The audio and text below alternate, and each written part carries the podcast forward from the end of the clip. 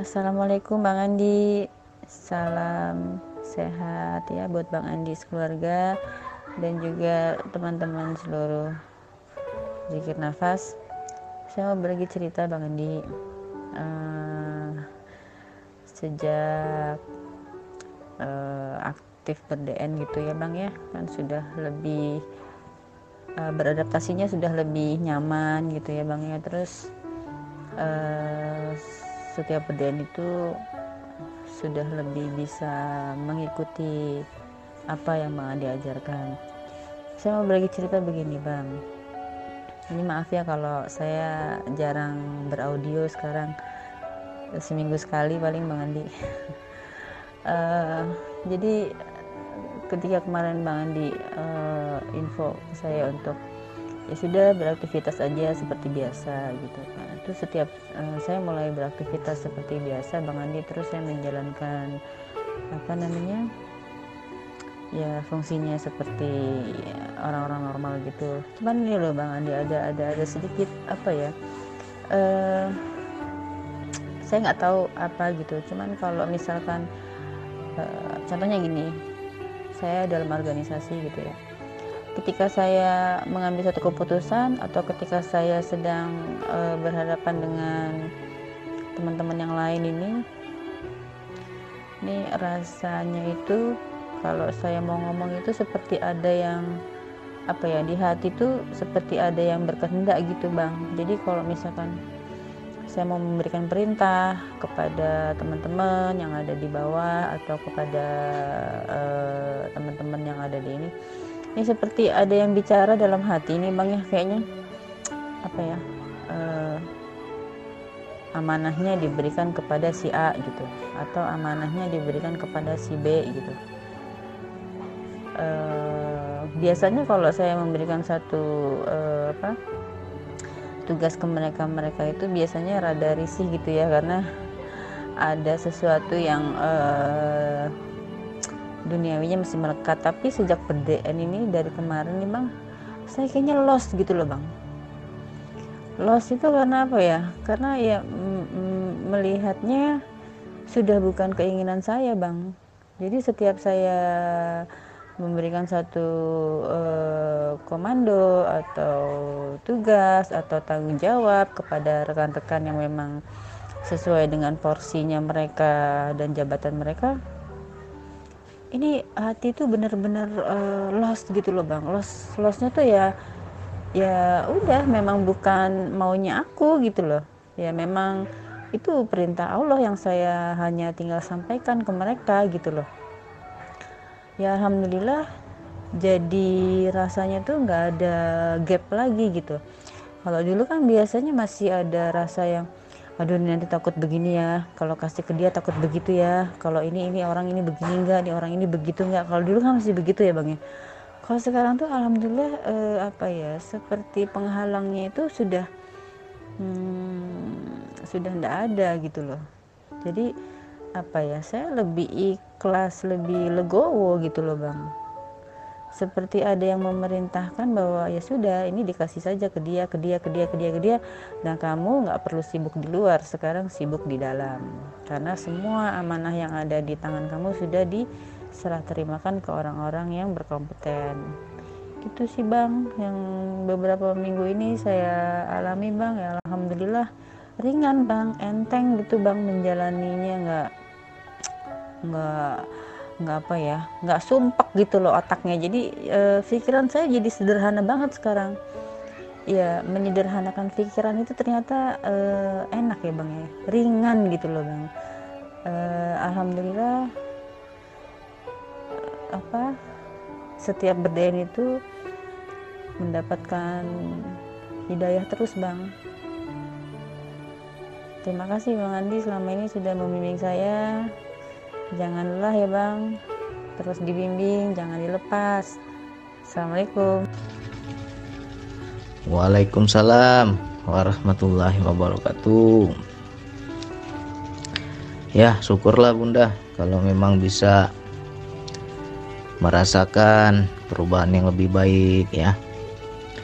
Setelah mengamalkan zikir nafas semakin paham kita semakin ngerti semakin zero ya.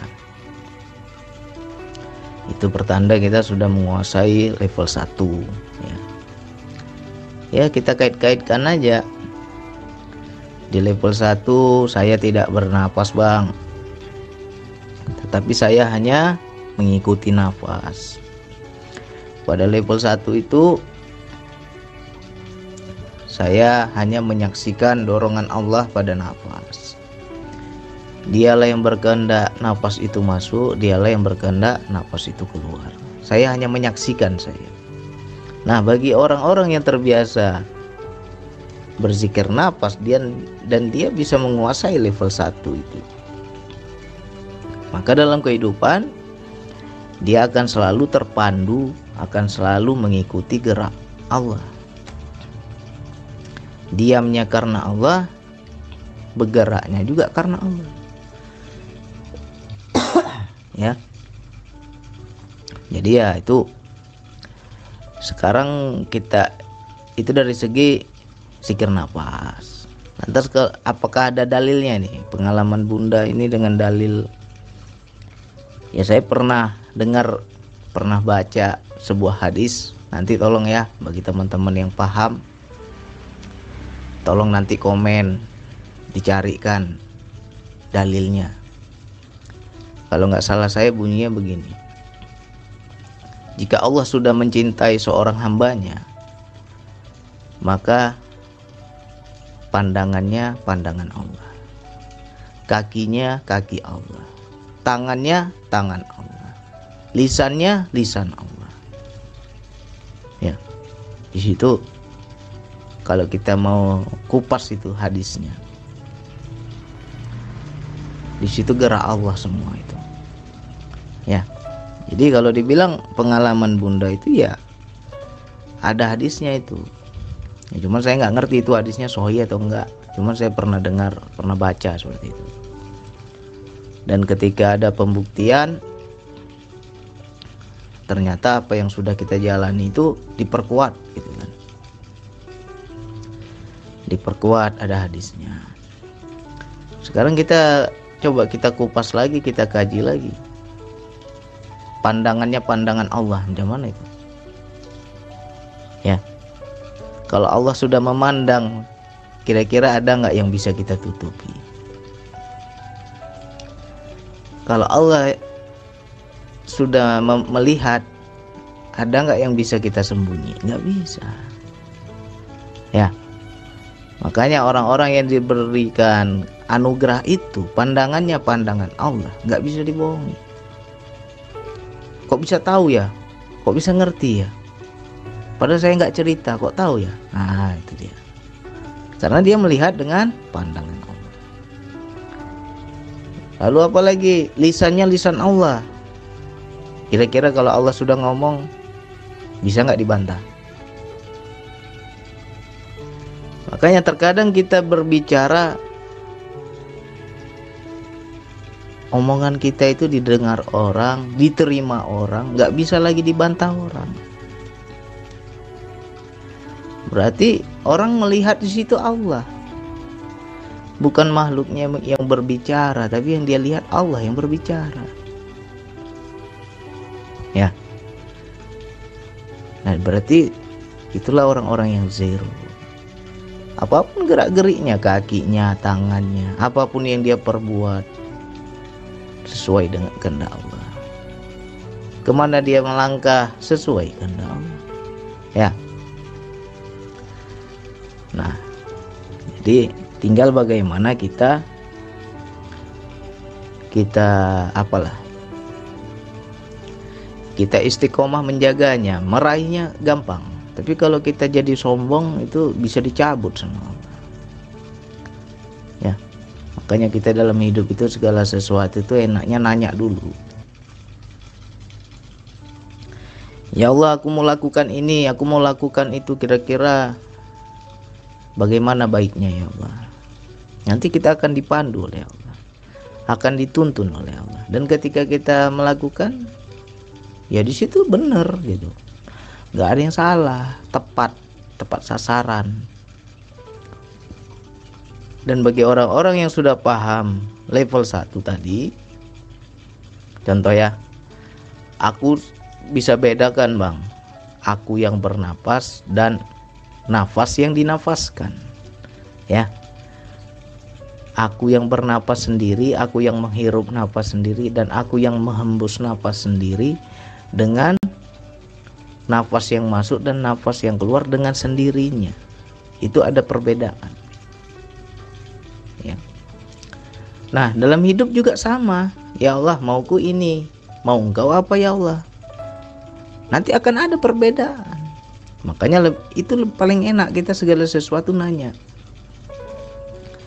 Ya Allah aku mau melakukan ini. Mauku begini ya Allah. Kira-kira menurutmu mana yang lebih baik? Baiknya seperti apa ya Allah?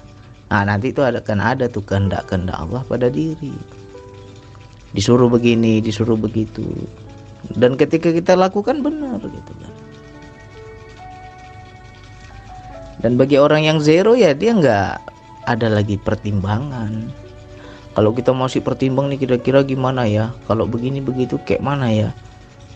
Nah itu berarti masih ragu. Dia belum belum paham itu dari Allah. Berarti yang dia ucapkan belum dari Allah. Ya.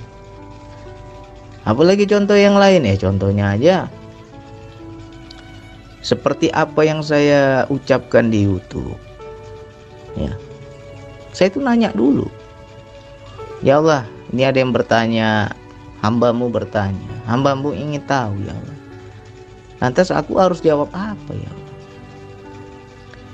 Ya sudah. Kok ngomong aja seperti ini seperti ini seperti ini. Udah ngomong saya. Awal-awal memang di situ kalau kita pakai pikiran kita jadi apa ya? Jadi menimbang-nimbang. Gimana ya kalau saya ngomong nanti orang tersinggung pula. Nanti orang marah pula. Ya kan? Berarti itu masih menimbang-nimbang. Itu masih dari diri. Tapi kalau sudah dari Allah nggak peduli lagi omongan orang. Dan nyatanya kan benar. Kalau saya bilang YouTube saya itu pahit-pahit pedas-pedas. Tapi kok banyak yang terima ya kan di situ bukti dari Allah. Kalau mau marah ya marah sama Allah jangan marah sama saya. Ya kan? Di situ kan kita enak nggak ada beban. Nah, cuman terkadang di situ nafsu setan membisiki keraguan-raguan kadang ada juga kita rasa-rasa takut. Kayak mana ya tersinggung nggak orang itu ya? Sakit hati nggak orang itu ya? Kok tiap hari saya giling ya nah itu berarti itu nafsu. Tapi kalau yang sudah dari Allah ya sudah. Lisannya lisan Allah nggak bisa ditahan. Ya begitu juga macam bunda. Ketika memberikan tugas komando kepada bawahannya si A saya kasih tugas ini, si B saya kasih tugas ini, si C saya kasih tugas ini. Kenapa bisa jalan, bisa cocok? Karena kita memandang dengan pandangan Allah. Allah yang memandang siapa yang lebih cocok. Oh kalau sama si Pulan nggak cocok, nggak akan jadi nanti, bermasalah nanti. Ah, kasih sama si B misalnya begitu kan.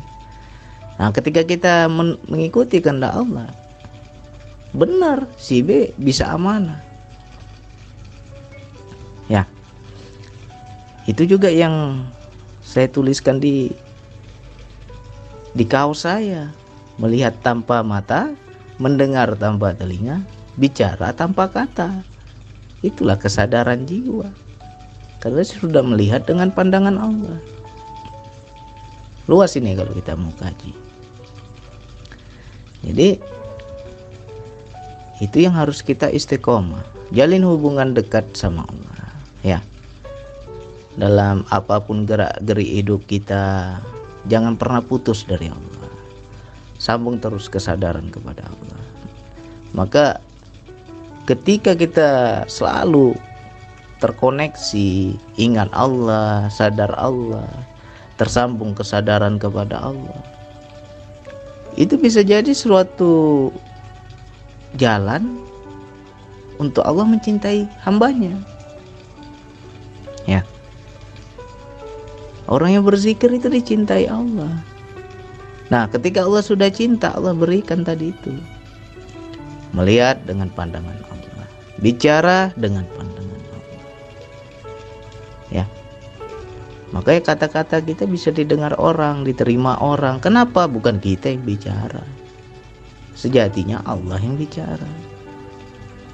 Makanya orang melihat aku nggak lihat makhluknya bang. Aku lihat siapa apa yang disampaikannya. Pesannya yang aku lihat bukan siapa yang menyampaikan. Ya kan? Tapi lihat pesannya yang disampaikannya apa. Nah ketika mereka menyaksikan di situ Allah yang ngomong. Mereka menerima. Ya. Wilayah ini harus kita latih terus. Latih terus. Dari hal-hal apa pun dalam hidup bacalah. Ya baca. Nanti kita akan makin peka. Coba dulu. Bener nggak nih? Terbukti nggak? Cocok nggak? Harus sering pembuktian baru bisa yakin. Nah contohnya lagi kita bersedekah. Terkadang kan kita bersedekah itu kan misalnya gini loh banyak di sekitar kita orang susah nih dan yang kita mau bantu tuh hanya satu orang. Sementara yang susah ada empat orang atau lima orang. Di antara lima itu siapa yang paling butuh kira-kira? Jadi ketika kita hendak menyampaikan amanah Allah bersedekah tanya dulu sama Allah. Ya Allah kalau aku kasih si pulan cocok nggak ya Allah? Terkadang itu ada interaksi. Ya. Ada dorongan ada perintah kasih aja si bulan si bulan tuh butuh itu. Lagi butuh dia lagi susah dia kasih dia. Jangan yang lain kau kasih. Si bulan itu kau kasih. Nah itu ada perintah tuh kan? Nah begitu kita hendak kasih ada lagi perintah selanjutnya. Janganlah kau kasih sekian. Tambah sedikit butuh dia itu katanya. Ah. Sedangkan jumlah yang hendak kita berikan pun terkadang Allah kasih tahu nah begitu kita memberikan sampai menangis sampai terharu sampai makasih makasih sekali orang itu sama kita. Kadang yang kita kasih itu nggak banyak. Kadang kita yang jadi malu kan. Tapi dia bersyukur sekali orang itu. Terima kasih bang. Aku butuh sekali bang. Aduh nggak tahu lah aku kalau nggak ada uang hari ini katanya. Tiba-tiba abang bantu kayak gini rasanya tertolong sekali. Nah di situ kita kan jadi tambah yakin ternyata enak hidup ini kalau kita mengikuti petunjuk Allah. Ya kan? Tepat sasaran. Itu yang harus kita belajar. Memberi pun tanya dulu sama Allah. Ya Allah kalau gue kasih dia butuh nggak kira-kira ya Allah? Kasih sama yang betul-betul butuh dan kebanyakan kita itu kadang nggak bisa baca. Orang butuh. Orang mengharap bantuan tapi terkadang berat mulut dia minta tolong. Banyak seperti itu. Padahal di Al-Quran ada itu ayatnya. Berikanlah hak orang yang meminta kepadamu dan berikanlah orang yang nggak pernah meminta-minta. Kalau orang minta tolong terkadang kita bisa tolong bantu. Karena kita tahu dia dia butuh tapi bagi orang yang nggak butuh ini gimana? Eh bagi orang yang nggak mau minta-minta itu seperti apa? Bisa nggak kita baca? Nah yang hal-hal seperti itu harus kita belajar. Nah saya juga sering tuh pelajari. Lagi ada rezeki lebih ya kan? Tiba-tiba teringat teman lama saya main-main lagu ke rumahnya. Kunjungilah dia ya kan? Ada perintah tuh kan? Kenapa ya kok ingat si Pulan ya? Kok saya seolah-olah Allah ngomong disuruh ke sana? Akhirnya saya ada main ke sana.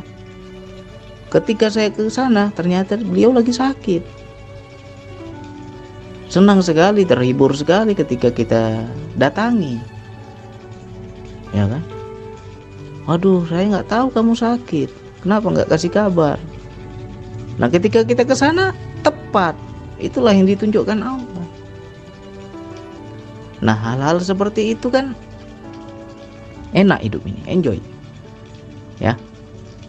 jadi jangan kita kaji makrifat kenal diri kenal Allah perintah Allah aja nggak kenal ya itu yang jarang dibahas ngomong kenal diri kenal Allah. Perintah Allah aja nggak kenal kita. Nah ya begitu begitu enak. Di level satu itu. Mana yang bernafas mana yang dinafaskan. Ya. Jadi kita nggak nggak ada yang namanya susah stres bingung. Ya bingung tinggal tanya. Ya kan? Tinggal tanya aja nah nggak ada beban kita. Makanya kayak saya di YouTube mau sakit hati orang mau tersinggung orang mau nggak suka orang kalau sudah keluar kopi pahit ya saya plong aja. Zero aja. Allah kok yang ngomel? Allah kok yang tembak mereka? Ya kan? Kalau kuping mereka panas ya marah sama Allah. Ya. Ternyata mereka menerima kalau menerima itu berarti yang hak. Sesuatu yang hak nggak bisa dibantah. Itu yang murni. Ya kan? Nah belajar kita terus. Akhirnya kan nanti makin hafal. Oh iya ya kalau dari diriku seperti ini jadinya. Tapi kalau dari Allah seperti ini jadinya. Makin hafal kita. Jadi untuk bunda untuk saudaraku sahabatku yang lain kalau kita mau kaji zikir nafas ini banyak sekali manfaatnya. Ya. Yang penting jangan diminta-minta. Nggak boleh minta-minta. Amalkan saja dengan niat ingin mendekatkan diri kepada Allah. Ya. Mudah-mudahan kita termasuk orang-orang yang dikasihi Allah, disayangi Allah, dicintai Allah.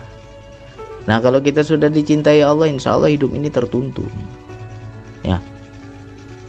Ya, banyak itu kawan-kawan ahli zikir itu. Tukang maksiat tukang berbuat dosa ya kan? Jadi dia dosa jalan ibadah jalan. Sholatnya rajin minumnya juga rajin. Ya. Apalagi zikirnya rajin judinya juga rajin. Jadi karena dia sudah mulai ada hubungan dengan Allah. Di situ Allah sayang. Akhirnya apa? Setiap dia berbuat dosa dicabut itu semua. Gak ada lagi rasa. Gak ada lagi nikmat. Bang aku kemarin minum mabuk-mabukan enak bang. Sekarang gak ada rasa bang. Kenapa ya bang? Ya akhirnya apa? Dia tinggalkan mabuk-mabuk itu. Karena apa? Gak nikmat lagi. Gak ada rasa lagi. Nah itu juga salah satu contoh orang-orang yang dicintai Allah. Jadi dia nggak ada ego. Bukan karena dia mampu, dia bisa meninggalkan minum. Tapi karena memang sudah dirahmati Allah. Kan enak kalau begitu. Nah, tertuntun dia pelan-pelan. Pelan-pelan pelan. Pelan-pelan hidupnya berubah. Ya. Biasa dia marah kayak kesetanan. Nah, sekarang giliran marah ditegur dia banyak suara dalam dirinya ngomel-ngomel ya kan? Sering itu. Tiba-tiba muncul aja perintah muncul aja apa teguran. Dia lagi marah nih dia saksikan dirinya sedang marah. Tiba-tiba ada suara ada perintah suara tanpa kata ya. Tapi dia langsung paham gitu seperti apa bahasanya kalimatnya kalau kita mau memahami? Lembut. Sangat lembut. Sebegitu marahkah kamu katanya? Padahal aku ini maha pengasih, maha penyayang. Merinding kita kalau dapat teguran seperti itu. Dia lagi marah ini kan. Tiba-tiba datang bisikan. Dihujamkan langsung ke kalbunya, ada yang berkata tapi nggak ada suara. Tapi dia paham kalimatnya sebegitu marahkah kamu? Padahal aku ini maha pengasih maha penyayang. Akhirnya apa? Terhujam itu rahman rahimnya Allah pada dirinya. Hilang marahnya. Malu dia sama Allah. Ya kan? Nah itulah orang-orang yang sudah dicintai Allah. Tertuntun hidupnya itu jadi kalau dia bisa meninggalkan marah bukan dia mampu bukan dia hebat. Siapa yang bisa melawan nafsu? Nggak mampu kita. Nah tapi Allah rahmati nafsunya. Ketika dia ditegur di situ lembek langsung dia. Ya banyaklah rahasia banyak cerita yang luar biasa kalau kita sudah mengamalkan. Yang penting bagi saudaraku sahabatku belajar terus ya diulang-ulang terus diulang-ulang terus itu YouTube saya nah memang sekarang belum terbukti suatu saat terbukti nanti ya ada waktunya nanti terbukti ketika terbukti kalian sudah ingat Iya ya, Bang Andi sudah pernah ngomong kemarin. Ya. Mudah-mudahan ini menjadi penyemangat untuk kita latih terus DN-nya. Ya mudah-mudahan kita termasuk orang-orang yang dicintai Allah. Amin ya Allah. Oke, hanya itu yang bisa saya sampaikan. Wassalamualaikum warahmatullahi wabarakatuh.